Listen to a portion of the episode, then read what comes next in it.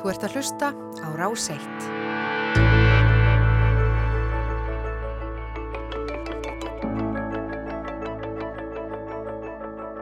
Sérfræðingu þáttanins er sest hérna hjá okkur, Erla Björnsdóttir, doktor Erla Björnsdóttir, velkomin.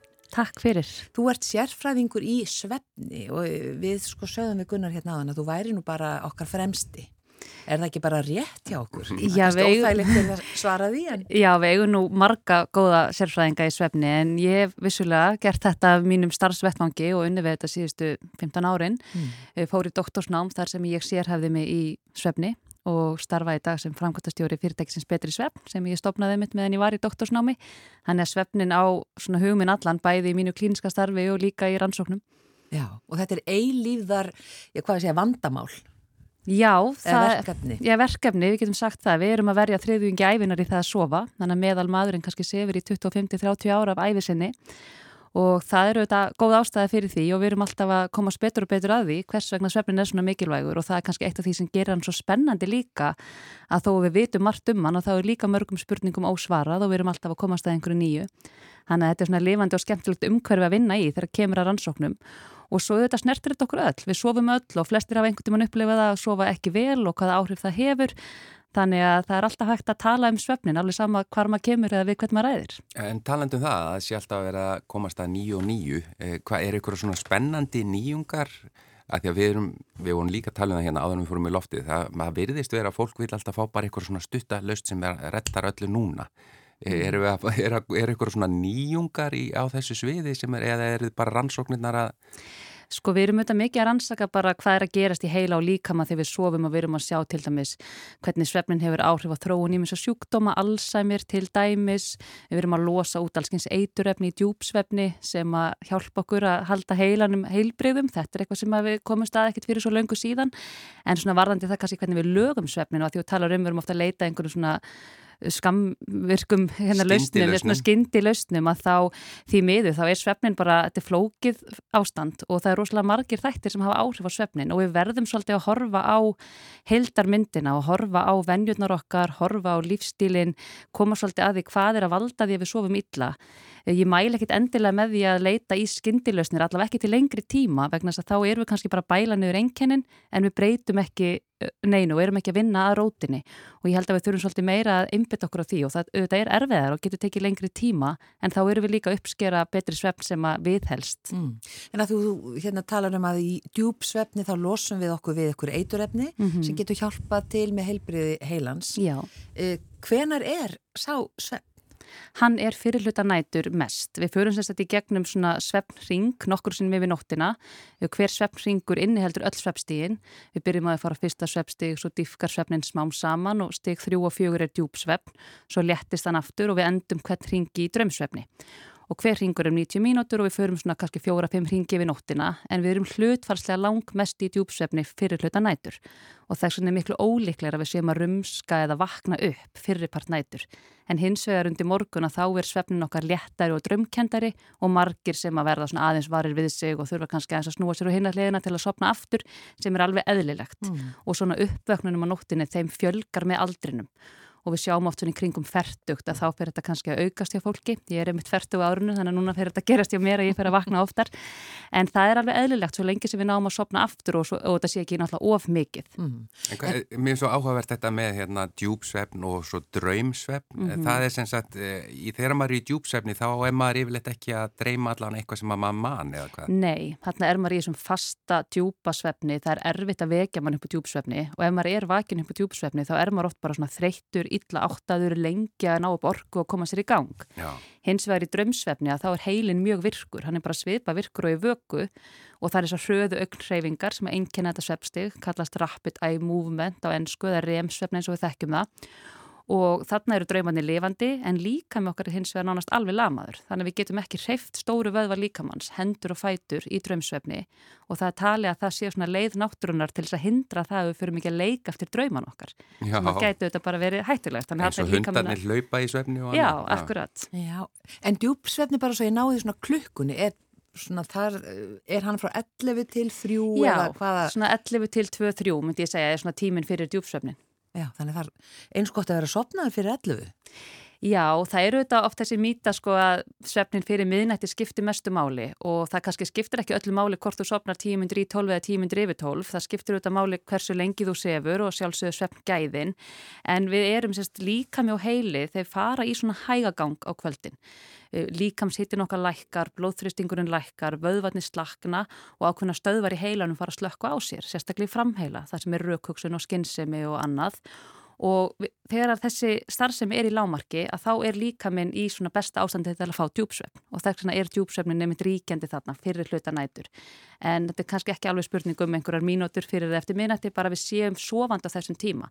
Ef við förum að sofa 2-3 um nótt og sofum kannski jafnvel fram undir hátdegi að þá eru við kannski að fá miklu lakari svefngæði heldur en við höfum sofið frá 11-7 til dæmis. Já, en er hægt að setja eitthvað að ég, ég, ég að suma daga og yfirleitt man ég ekki sérstaklega vel drauma en svo man ég mjög vel drauma og ég set sama sem merki að þá hafi ég ekki sofið jafn vel þá nóttina. Er eitthvað, eitthvað að setja eitthvað sama sem merki? Sko auðvitað náttúrulega ef að draumar eru mjög ákafir eða erfiðir þá geta þeir náttúrulega tekið á tilfinningarlega maður upplifur tilfinningar í draumum og maður getur vakna út keirðurstundum þegar maður er að dreyma eitthvað sem er þannig. En sko flestir gleima draumunum sínum svona 5-10 sekundum eftir að maður vaknar. Líklegasta ástæðin fyrir því er svo að það bara þjónar okkur einhverjum tilgangi að muna þessa drauma. Að því að heilin þarf þetta sortir að við getum ekki geimt allar upplýsingar og við þurfum að geima upplýsingar sem skipta máli fyrir okkur. En ef við hins vegar gefum draumnum einhverja merkingu, ef hann þýðir eitthvað fyrir okkur þá fyrir við að hugsa um hann og endurtaka hann og þá auðvitað munum við betur eftir honum. Þannig að veist, líklega er það þannig að þegar okkur dreymir að þá erum við svolítið að sortira úr heilanum, úr undirmeðendinu, öll áreitinu og allt sem við verðum fyrir og kannski er eitthvað sem við virkilega grípum og hefur áhrif á okkur og þá munum við það og eins og ég segja ef að draumanir eru erfiðir eða ákafir og þá getur það tekið á og maður getur vaknað þreytari. Hmm.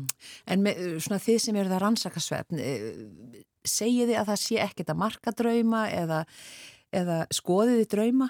Sko ég er ekki að vinna við rannsóknir á draumum en ég myndi aldrei segja að það er ekkert að marka drauma vegna þess að það er ákveðin hræstni að segja það vegna þess að við vitum mjög mikið um mikilvægi draumsvems og af hverju hvað er að gerast og hann er til dæmis mikilvægur fyrir minni, mm. sérstaklega svona færni minni, hann er mikilvæg fyrir skapmandi hugsun, úrvislu tilfinninga og fleira en það er bara svo margt sem við vitum ekki og maður hefur þetta heyrt allskynns ótrúlegar sögur varandi drauma að fólki dreymir fyrir einhverju ákveðinu og annað. Og við getum ekkit útiloka það, vísindin mm. hafi ekki sanna það en þau geta heldur ekki útiloka það. Nei. og mér finnst bara draumatrúin okkar íslendinga mjög falleg, hvernig við lesum í draumana. Og þetta er svolítið sér íslensk, þetta er ekkit gert allstaðar og hérna mér finnst það fallegt. Já, einmitt, við erum svolítið hérna, við tökum svolítið mark á hérna draumanum okkar. Eh, en hvað með til dæmis bara eh, þennan hérna, þennan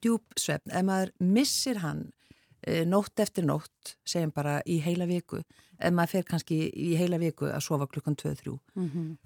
hvað e þýðir það?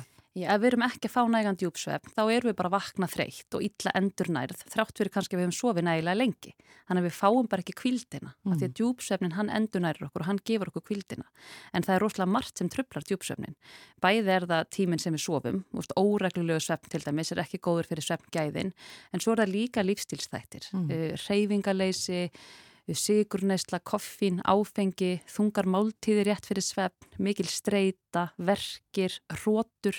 Þetta eru allt þættir sem að geta trubla djúpsvefnin okkar og gera það verkum að við erum ekki að fá kvildina sem við viljum fá út úr svefninu. Mm. Hvað hvernig... með næturvaktir? Já. Það lítur nú að fara illa með með fólk sem vinnur kannski bara við að vinna á nóttunni? Já, það sko vísindin sína það að við þólum þetta misvel sumir þóla ágætlega að vinna vaktavinnu og það eru svona ákveðni þættir til dæmis fólk sem er með svona setni dægurseflu svona B-típur, náttrafnar að þeir verðast þóla þetta betur yngra fólk þólir þetta betur karlmenn þólir þetta betur til dæmis en flestir sem vinna vaktavinnu og sérstaklega fólk sem er að vinna þrískipti vaktir, er að vinna dagvaktir, kvöldvaktir og nætuvaktir vennilega. Maður sefur yfir stittra og maður kannski vaknar frekar upp til að fara að pissa eða maður er jæfnvel svangur að því að líka minn í raun og veru er að virka eins og maður sé vakandi. Mm. Þannig að maður er að sofa á skjön við líkamsklukkuna og við vitum að vakta, hjá vaktafinu fólki er sveppvandi algengari. En fyrir þig sem ert að vinna með að hjálpa fólki með vantanlega sveppvandamál, er, er það ekki þannig að það er fólk sem leitar til þín, það er yfirleitt komið í ykkur vandræði eða hvað? Jú, fólk sem kemur til mín það er farið að finna fyrir neikvæðum áhrifum af svefnvanda, þetta er farið að hafa áhrif á daglegt líf og fólk er oft búið að reyna margt sjálft, allskins húsráð og jafnvel svefnlif sem að hjálpi einhver tíma en er svolítið kannski orðið svona úrkula vonar og kemur þá til okkar. En er það, er það einhver sérstakur aldursópur sem að kemur meira til þín? Er það eftir einhvern vissan aldur sem að svefnin verður áþreifanlega verri? Eða? Sko, svefn vandi ekst oft með aldrinum og auðvitað til dæmis í kringum breytingaskeiðið, margar konur sem leita til mín á þeim aldri, en þetta hefur breyst mjög mikið, finnst mér bara svona síðasta áratug. Við erum að sjá mikla aukningu hjá ungu fólki sem að leita til okkar og alveg bara niður í börn og hvort að það er að það er aukast sveppmandi hjá þeim eða bara við erum meira vakandi fyrir því, við erum líklega til að leita okkur hjálpar en þannig að það er í raun og veru allur aldur, við erum alveg bara nýri yngstu börnin og, og upp í fólki við nýrætt sko. Og Já. þetta með einmitt að við erum alltaf að fá meira og meiri upplýsingar og vísindunum er alltaf að flega fram og, og við erum að verða upplýstari en svo er þetta sem við hefum mikið rætt þetta bara með allt þetta áreiti, samfélagsmiðlar, símar og allt svo leiðis er þetta að sjá alveg áþreifanlega mun í sambandi við alla þessa neyslu á svefn uh, vandræðum? Já, ekki spurning. Við veitum náttúrulega bara streyta áreiti uh, lýsing frá tækjum sem við erum í á kvöldin, þetta hefur allt áhrif á svefnin okkar. Og það er bara þannig að þú veist líka með á heili þau þurfa að komast í ró áður en við leggjumst á kottan og ef við erum bara á spani út um allt og endalust áreitum í kringum okkur þá getum við ekki ætlast til þess að geta bara allt í hennu lagst á kottan og geta bara slögt á okkur. Svefnin þarf sinn aðdraðanda, við þurfum svolítið að lenda. Já, Já. og hversu lengi? Það er auðvitað mismunandi bara eftir einstaklingum, hversu langan tíma við þurfum en ég mæla allavega með því að svona síðasta klukkutíman fyrir svefn, að þá hugum við svolítið vel að því hvað við erum að gera mm. og bara besta ráðið er að setja síman sinn bara á sælend og leggja hann frá sér. Við þurfum ekki að vera í sambandi allan sólarhingin og við þurfum ekki að svara eftir klukkan tíu á kvöldin, þá þurfum við ekki að svara fólki uh, hvað þá að vera í einhverjum vinnupóstum, hversu oft hefur við verið að svara einhverjum tölvupóst eftir klukkan tíu sem að mátti ekki býða til næsta dags. Þannig að gefa okkur frí frá þessum áreitum, uh, kannski bara lesa, gera slökunaræfingu, hlusta á rólega tónlist, bara koma sér í rólegan gýr áður en við förum að sofa. Mm. og það er alveg ótrúlegt að þó mann kannski finnist ekkit að síminn sé að hafa áhrif á svefnin að því ég uppliði þetta svolítið sjálf. Ég var oft bara í símanum á kvöldin og svo þegar sinni mínu komast á úlingsaldur og ég fór að setja þeim eitthvað sterkar reglur að þá fóru þeir að benda mér á að ég væri nú ekkit svo besta, ég væri bara oft sjálfa að vinna í tölvinni eða í símanum. Þannig ég ákvað bara að gera þetta sjálf líka til að vera ákveðin fyrirmynd og bara setja síman minn á bara flugstillingu á ákveðnum tíma og er ekkit í honum eftir það og fólk veit bara að það næri ekkit í mig. En það sem komið svo óvart var bara bæði hvernig mér fannst ég fá betri kvild út úr svefninum en líka bara svona gæða stundir á kvöldin. Þetta er svo mikil tímaþjóður, Já. maður er oft bara einhvern veginn að gera ekkert í símanum, maður bara einhvern veginn að endur hlaða MBL eða Instagram eða hvaða er. En í staðin kannski eigum við hjónin bara nota litt spjall eða ég er að lesa eða eitthvað sem er svona meira nærandi og gefandi. Já, og þetta hlýtur náttúrulega að eiga við líka um ungu kynsluðuna sem er náttúrulega eh, mikið í símanum á kvöldin og kannski ekki margi fóreldra sem sem kannski leggja í það að taka af þeim síman eða setja þeim stránga reglur? Já, algjörlega, þetta á vissulega við um þau og það þurfa bara að vera mörg og ég mæli með því bara þegar að fóreldrar gefa börnunum sínum fyrsta síman að maður byrji bara strax því það er svo miklu auðveldra ef þau hafa alltaf alist upp við það mm. að það er einhver mörg, heldur hún að reyna allt í hún að taka slægin við kannski 17 ára óling sem alltaf hefur haft síman inn í herbyggi. Það er floknar en ef við byrjum bara strax með þau eru yngri og að sjálfsögðu verðum við alltaf að muna við verðum að vera fyrirmyndir. Við getum ekki verið að segja börnunum að gera eitthvað sem við erum að séðan ekki að gera sko. Mm. Þannig að það er kannski það mikilvægasta. Já, og margi sem notaði með síman sem vekjara klukku.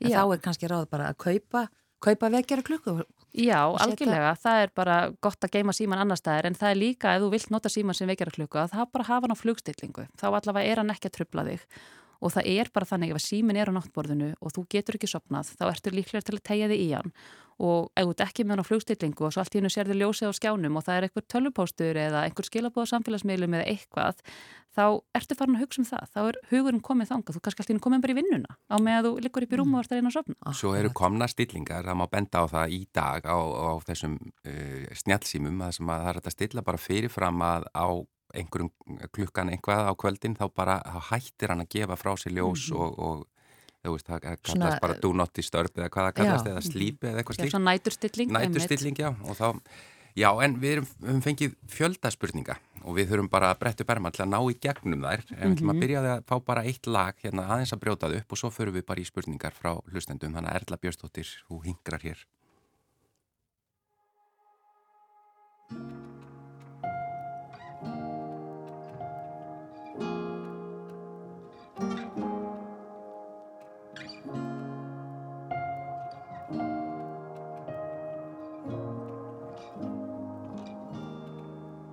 er með hólur í höstnum munn sem segir þér frá.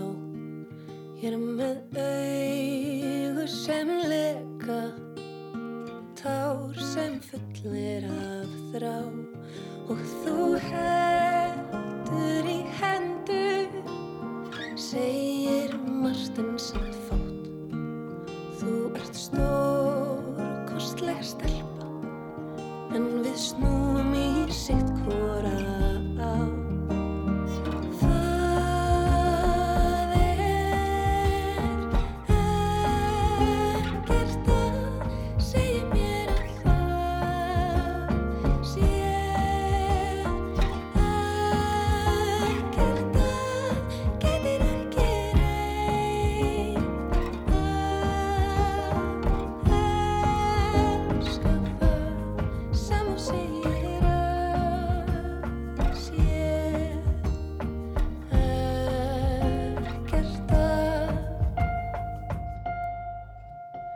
Þú heilsar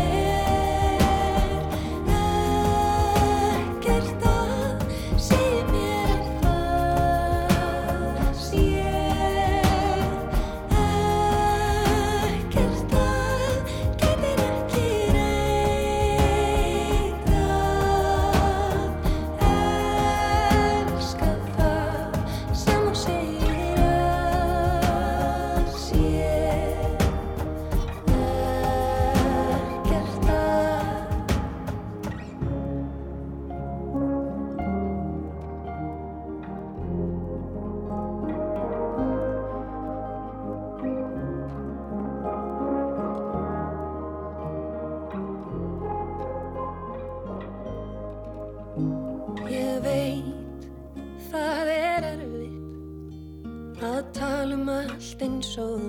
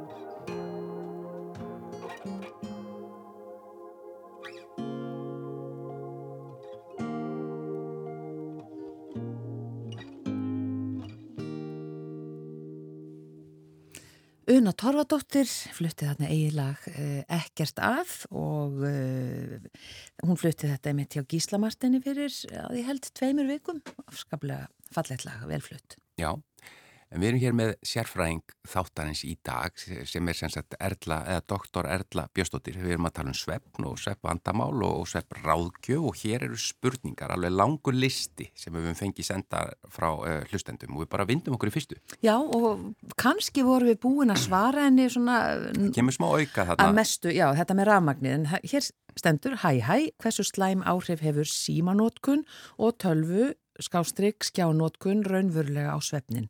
En rafmagn og rafmagnsbylgjur. Þannig að við vorum kannski búin að svara þessu fyrra. Já. Svo er spurt hér um rafmagn og rafmagnsbylgjur. Einmitt, ég sko á erfitt með að svara því beint. Ég er svona leitað aðeins að einhverjum vísindagreinum um þetta og það eru svona misvísandi niðurstöður sem við sjáum þannig að ég get ekki alveg sagt hvort að rafmagn eða rafmagnsbylgjur hafi slæm áhrif á svefnin.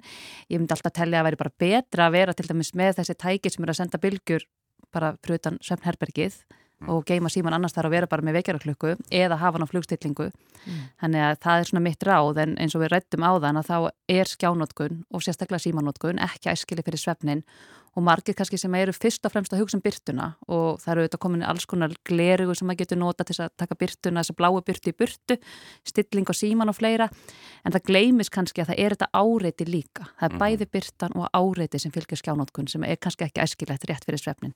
Þannig að ég bara skora á alla að prófa eina viku, sleppa símanum síðasta klukkutíman og sjá bara hvort að maður finna einhvern mun. Já, við, við höfum fjallað áður líka um þetta með ramagsbylgjur og, og þá allan að manni eftir það, var, það er, við erum mjög mismóttækilega, það er að segja að sumir eru bara mjög viðkvæmir fyrir alls konar svona bylgjum og meðan aðri finna minna fyrir því. Já, algjörlega. En hérna næsta spurning, eh, komið sæl, getur Erla gefið mér einhver ráð varðandi það þegar maður glaðvaknar um miðjanótt eða mjög snemma morgun svo getur ómögulega sopnað aftur? Já, uh, sko það sem að ég mæli með að ef maður er bara alveg andvaka og gladvakandi þá ekki að liggja í rúminu og bylta sér og býða eftir að svefnin bara komi Nú, því að svefnin er kannski, hann kemur ekki svona eftir pöntun og maður oft verður bara ennþá stressaður Já, þegar maður er að liggur upp í rúm og kristur aftur augun og reynir að sopna.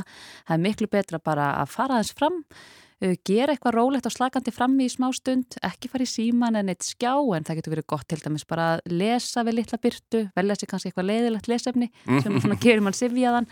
Uh, sumum finnst gott bara að púsla eða lita, leggja kapal, eitthvað svona bara aðeins að fara úr aðstæðunum og þá oft kemur sifjan.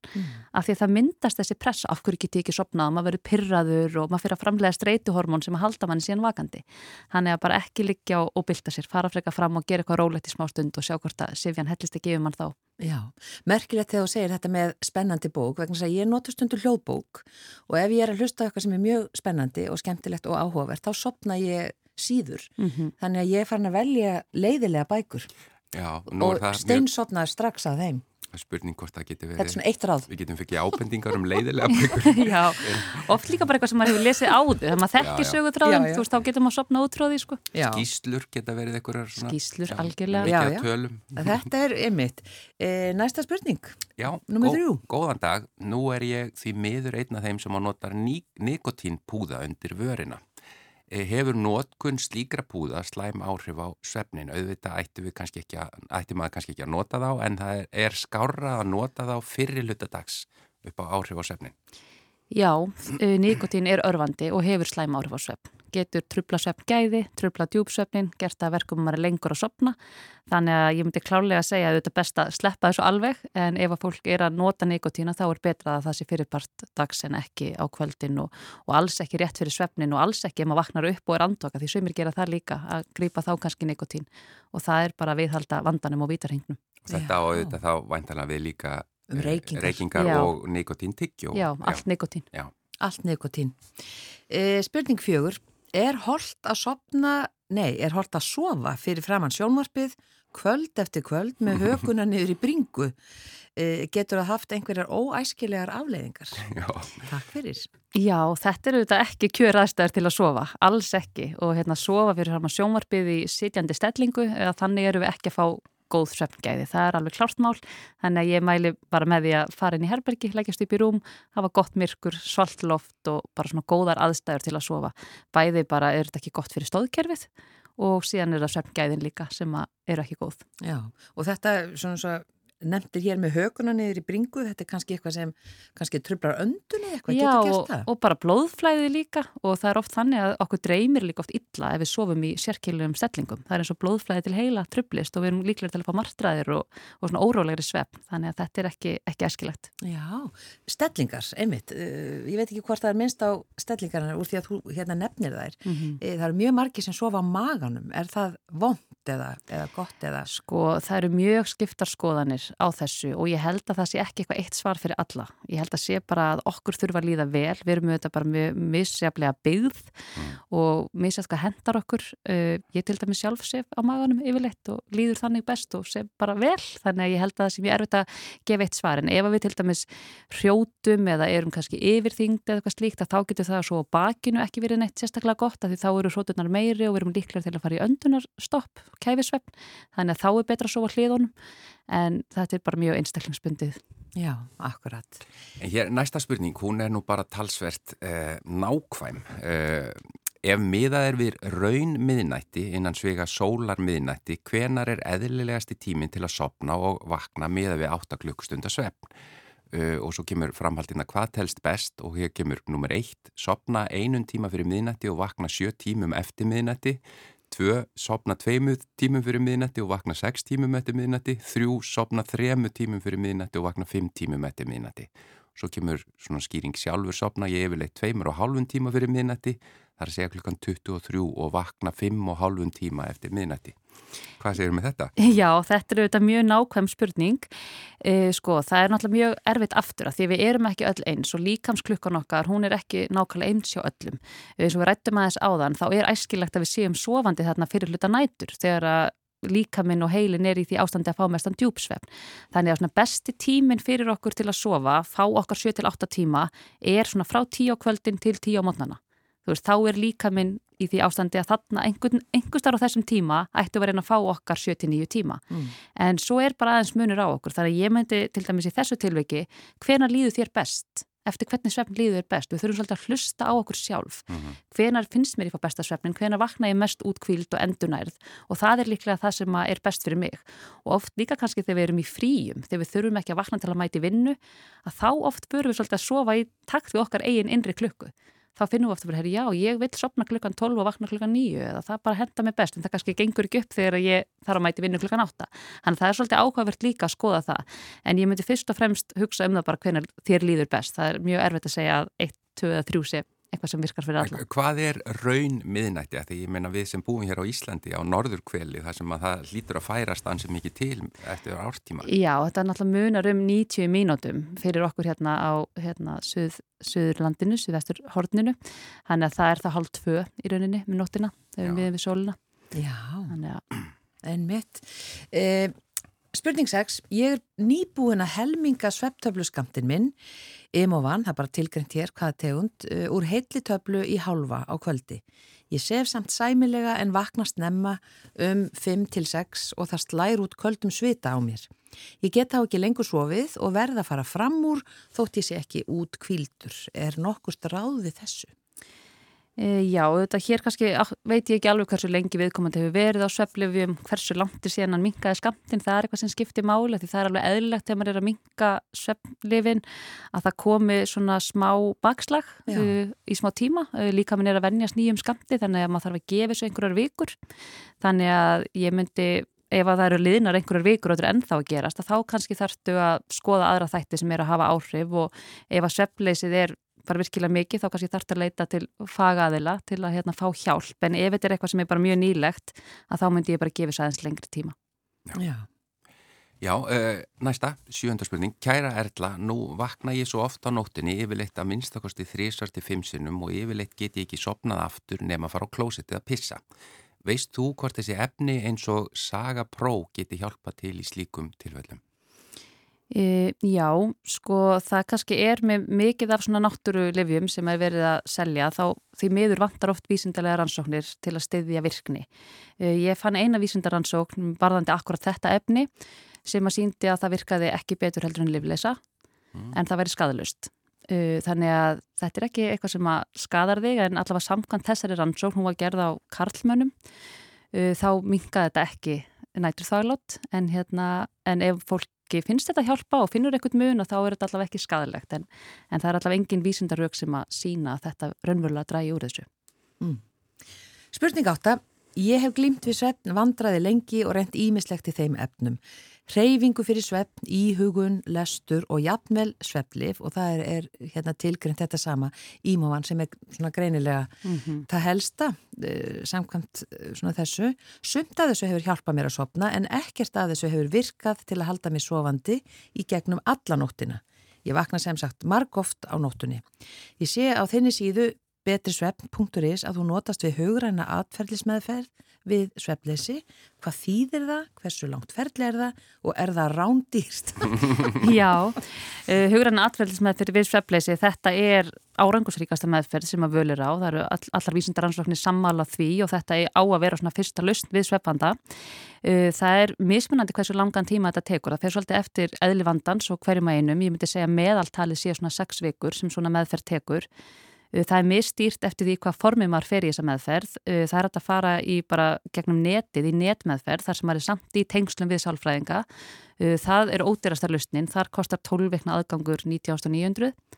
Uh, Svo er þetta að fara í hópmeðferðir, þar sem að hópur fólks með sveppanda hittist einu sinni viku með sálfræðingi, hver og einn fær einstaklingsmiðar áðgjöf, þetta er sex vikna ferli og það er oft mjög gefandi að vera með öðru fólki sem er að gangi gegnum það sama maður sjálfur uh, og það kostar minni mig 64.000 þessar sex vikur og svo er þetta að fara í einstaklingsviðtal og það er dýrasta lausnin en það er svona einstaklingsmiðaðast auðvitað líka Mm. uh, hvert viðtal kostar 18.000 og það er mjög mismunandi hversu mörg viðtal hver og eitt þarf en stjættafjölög þau neyðugreiða þennan kostnað þannig að fólk á réttindi þar þá er þetta mikilvægt að, að nýta það en eins og ég segi þetta er árangusrík meðferð en þetta þýðir það líka að maður þarf að vera tilbúin til þess að breyta vennjum og breyta lífstíl og leggja kannski á sig smá vinnu til þess að laga svefnin. Eh, Sko, hvað, hugrann aðtillis meðferð, er þetta bara eins og nánast bara sálfræði meðferð eða?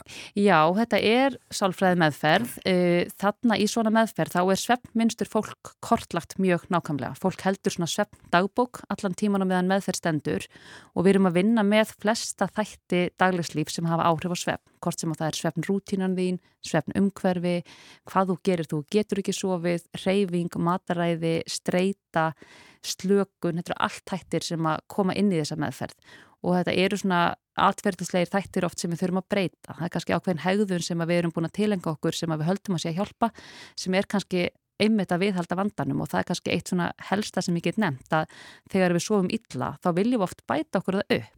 Ef ég sá illa síðustu nótt þá vil ég annarkort vaknaði setna í dag eða leggja mig því ekki heim og eftir eða fara fyrra að sofa í kvöld en það er þessi hegðun sem oft viðheldur vítarhingnum og þarna þurfum við oft að brjóta upp svona ákveði hegðunarmynstur og það er eitt af því sem við erum að gera í þessari meðferð. Þannig að þú mælir ekki með því að maður leggji sig eða hvað? Sko, ef maður sefur vel á nóttinni Mm. að þá getur stuttur orkublundur í kringum hádegi, 20-30 mínútur, alveg verið fín.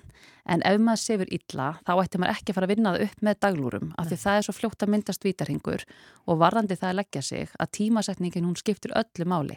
Eh, Eftir því sem líður á daginn, þá þurfum við stittri svepp til að skemma nóttina.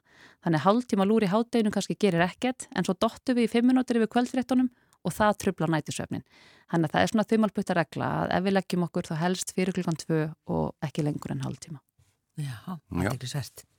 Uh, Níunda? níunda, kontur sælarla, uh, í, nú man ég eftir því að þú hefur oft talað um breytingu á klukkunni á Íslandi, til dæmis í manlega þættunum. Að ráleggingar þínar og fleiri sérfræðinga séu að við verðum að breyta klukkunni, það er að leiðrétta hana hér á landi og að það geti haft góð áhrif á svefn landsmanna. Hver er staðan á þeim málum? Hefur eitthvað breyst? E, nú eru einhver lönd út í heimi sem eru að hætta að breyta klukkunni tvísvar sinum á ári. Eru íslensk stjórnvöld að skoða þessi mál af opnum huga? E, sko, því miður þá hefur lítið breyst í þessum efnum. Þetta var auðvitað skoðað, uh, ríkistjórnin skoðaði þetta og það var tekin ákvarðunum að gera þetta ekki. Síðan þá hefur þetta svolítið sopnað. Uh, við auðvitað sem að vinnum í svefni og í þessum, hérna, í þessum geira og höfum barist fyrir þessu. Við erum auðvitað ennþá að reyna að stuðla að auknum rannsóknum líka bara til að skilja betur hver eru áhrifin raunverulega það að margar þjóðir séu að hætta með tvískiptan tíma, það er til dæmis vegna þess að rannsóknir sína það er ekki holdt fyrir okkur að breyta klukkunni tvisar ári. Við verum að sjá bara aukningu í slísum, hjartáföllum, heilablóðföllum og fleiru þegar við verum að breyta klukkuna og þann hátt að við fáum minnisvefn. Þannig að það er ekki gott. Við okkar tillaga var alltaf bara að gera eina leiðréttingu og vera alltaf bara á sama tíma eins og við erum núna nema bara að færi þetta um klukkutíma. Mm. En því miður þá hefur ekkert samtal átt til stað við, við stjórnvöld bara síðan að þetta sopnaði svolítið þegar fórstættir á þeirra ákvaða að fara ekki í þessa breytingu en við munum banka upp á aftur. Já, og hver eru þá rauk stjórnvalda? Þau helstu, fenguðu þið eitthvað tíma að vita það?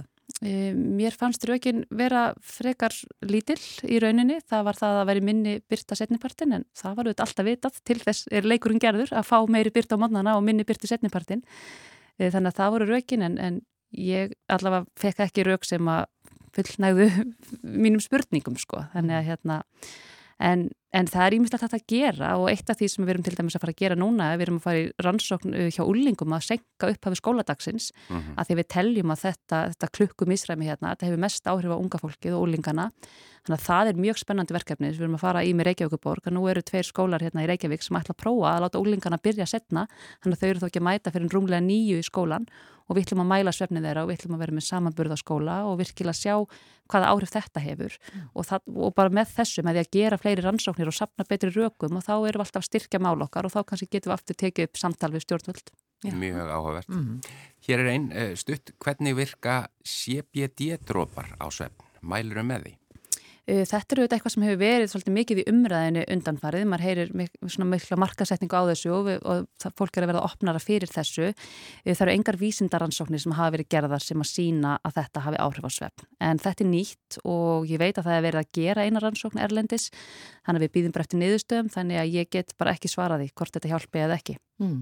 Bara í svona sambandi við þetta, garðabrúðu rót er eitthvað sem maður hefur heyrt, að svo just sé Já. svona eitthvað líka sem á að hjálpa til með svefn. Hefur eitthvað um hana að segja? Heiða? E, Já, það eru nú einhverja rannsóknir sem að liggja þar á baki og hafa sínt einhver jákvæð áhrif. Þetta er hérna liðið Seftitút held ég sem er með þessa rót og hefur hjálpað fólki, skils mér, en ég bara þekki það ekki alveg nógu vel til að geta mælt með því eða en ég myndi segja að það er alltaf bestu auðvitað að reyna að fá náttúrulegansvefn. Mm. Það er alltaf þess að veitum að svona, það er svona fyrsta val en auðvitað þurfa sumur að nota lifi í einhver tíma en ef við erum að tala um þessi eiginlegu sveflif eins og ímúvann og stillnótt sem eru mest notuð að þá eigum við samkvæmt klíniskum leiðbenningum ekki að nota þau í lengur en fjórar vikur samfelt Mm. og lengri notkun hefur skadlega áhrif. Þannig að það er mjög mikilvægt að vita þetta því að við notum þetta mikið hér á landi og margir notum þetta mjög lengi og það er ekki æskilegt. Mm. En sko ef það er náttúrulegt, það máttu kannski nota það í lengri tíma. Já, það, getur, það er auðvitað minn, minni skadi á því Já, og kannski engin. akkurat. Já, eh, góðan dag, ég er einn af þeir sem verð sifjar milli 8 og 9 en svo er eins og ég vakni upp milli 10 og 11 og get þá verða bröldi til klukkan 1 ef því er að skipta. Á ég að fara í rúmið klukkan 21 til þess að ná góðum svefni eða er það of snemt? Það var hann að meina þegar hann verður sifjaður þarna, svona fyrirpart kvölds. Það er kannski erfitt að svara þessu líka um þess að hafa bara meiri upplýsingar um viðkomandi en það er alveg eðlilegt að við svona, þetta sveiflið svolítið þessi sifju tilfinning og við svona kannski hugsaum um bara þessu sveiflringurinn okkar sem er 90 mínútur, við erum með svona innri sveiflur líka og það er algengt að við verðum þreytt á ákveðnum tíma dags. Sem er finnit eftir hádegið, setnipartstreitan sem kemur yfir marga og svo er það ofta eftir kvöldmatt, þegar maður sest einhvern veginn niður og þá hellist yfir mann þreita uh, yfirleitt síðan finnum maður að maður vaknar svolítið upp aftur en svo kemur þreitan þannig að uh, fyrir flesta myndi ég segja að það væri of snemt að vera að fara í brúm millir 8 og 9 Mm. uh, ekki náttúrulega sérst að vakna bara 5 á mótnana eða eitthvað slíkt sko, þannig ég held að það sé betra að býða bara aðeins og fá býða þannig að þreitan kemur aftur.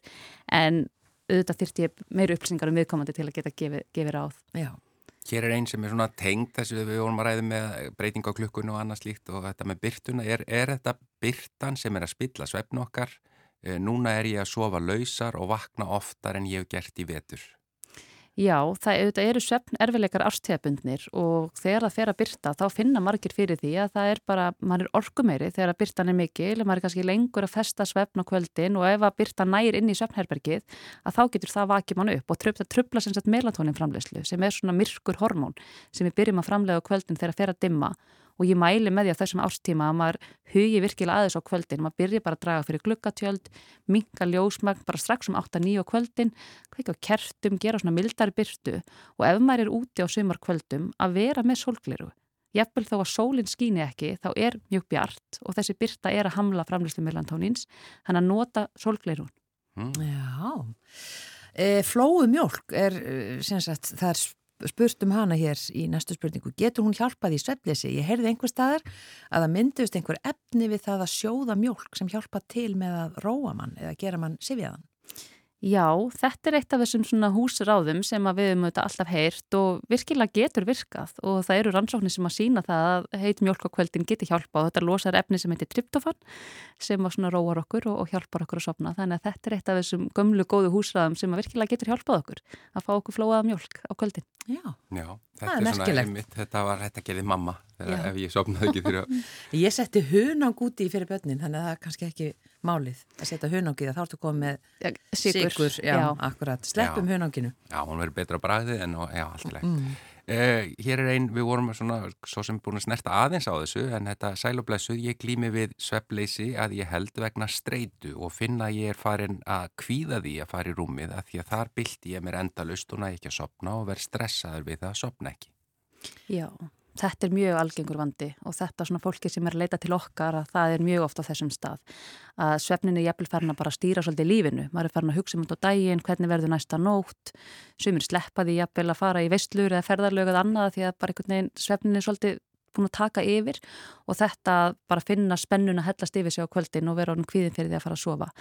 Eh, Þarna kannski er viðkomandi komin á þann stað að leita sér hjálpar og fá aðstóð til að brjóta upp innan vítarhing og vinna með þessa streitu og bara eins og ég nefndi hérna áðan að þú veist þessa andvökur þegar þú ert að bylta þér upp í rúmi að fara frekar fram að því við viljum heldur ekki tengja neikvæðar tilfinningar við svefnherbergið okkar. Mm. Það verður til svona skilirðing ef við erum alltaf stressuð og kvíðin þegar við erum upp í rúmi vakandi meira og minna allar nóttina að þá er mjög líklegt að heilin og líkaminn fari bara að kveikja á þessu viðbræði þegar við komum inn í svefnherbyggi. Já. Sumir kannast við að vera fram að horfa á sjónvarpið og finna sifjun að hellast yfir sig og svo fyrir maður að busta tennur og svo lappa maður yfir þröskuldinin í herbyggi og þá bara glaðvakna maður, núturinn komin í magan af því maður er svo vanur að vera þarna í þessu ástandi. Þannig að fara fram virkilega gera það og, hérna, og ekki fara kannski of snemm upp í rúm ef maður er stressaður, ekki, þú veist, býða frekar og huga vel að kvöldrútinni hvað ert að gera að hún fer að sofa, ekki gera neitt sem að gæti valdiðir streitu eða óþægindum, ekki vera að svara vinnupóstum eða klára deilumálum um makan eða eitthvað svona kvöldin Mm. af því að á kvöldin þá er framheilin okkar ekki virkur, við erum ekki með góða raukvöksun og við erum alls ekki góð að leysa vandamál á kvöldin og það er svona vaksallar áhyggjur. Og því kannski þekki þetta sjálf að maður er að reyna að sopna og svo allt í einu mann maður eftir, guð, ég glemdi að svara þessum tölvupósti eða bóka tíma hjá lækninum eða eitthvað og maður fær nút í magan og maður er andvaka svo vaknar maður daginn eftir og Vá, þetta var ekkert mál, okkur var ég svona stressu yfir þessu í nótt og það er bara vegna þess að framheilin er ekki virkur og við erum ekki, við eigum ekki að vera að leysa vandamál eða glíma við þessar hugsanir þarna. Þannig að virkilega hugsa um það að kvöldin séu streitu frí og maður sé að gera eitthvað sem að losar streitu. Já, þannig að þetta með að sofa á hlutunum það er bara í orðsins fylstu merkingu hið bestamál. Algjörlega og ég er ekki sammála til dæmis þeirri mýtu og hjón með ég aldrei fara ósatt að sofa. Ég held að það sé betra bara að sofa og ræða saman í róliheitum næsta dag í staðan fyrir að rífast í einhverju rögleysu framöndi nótt. Akkurat. Erla Björnsdóttir, eh, og- doktor Erla Björnsdóttir, eh, okkar helsti sérfræðingur í svefni. Takk fyrir að koma til okkar í manlega þáttin í dag, þennan 50 dag og vera sérfræðingur. Þú komst til okkar einmitt í haust þegar svona myrkri var að skella á, þannig að eh, þú bara mátt endilega koma til okkar svona í oktober-november aftur. bara takk, alltaf gaman að koma til ykkar. Með að við fjöldan og spurningum sem við fáum. Já. Bestu þakkir, doktor Erla Björnsdóttir. Takk. Þú ert að hlusta á Rás 1.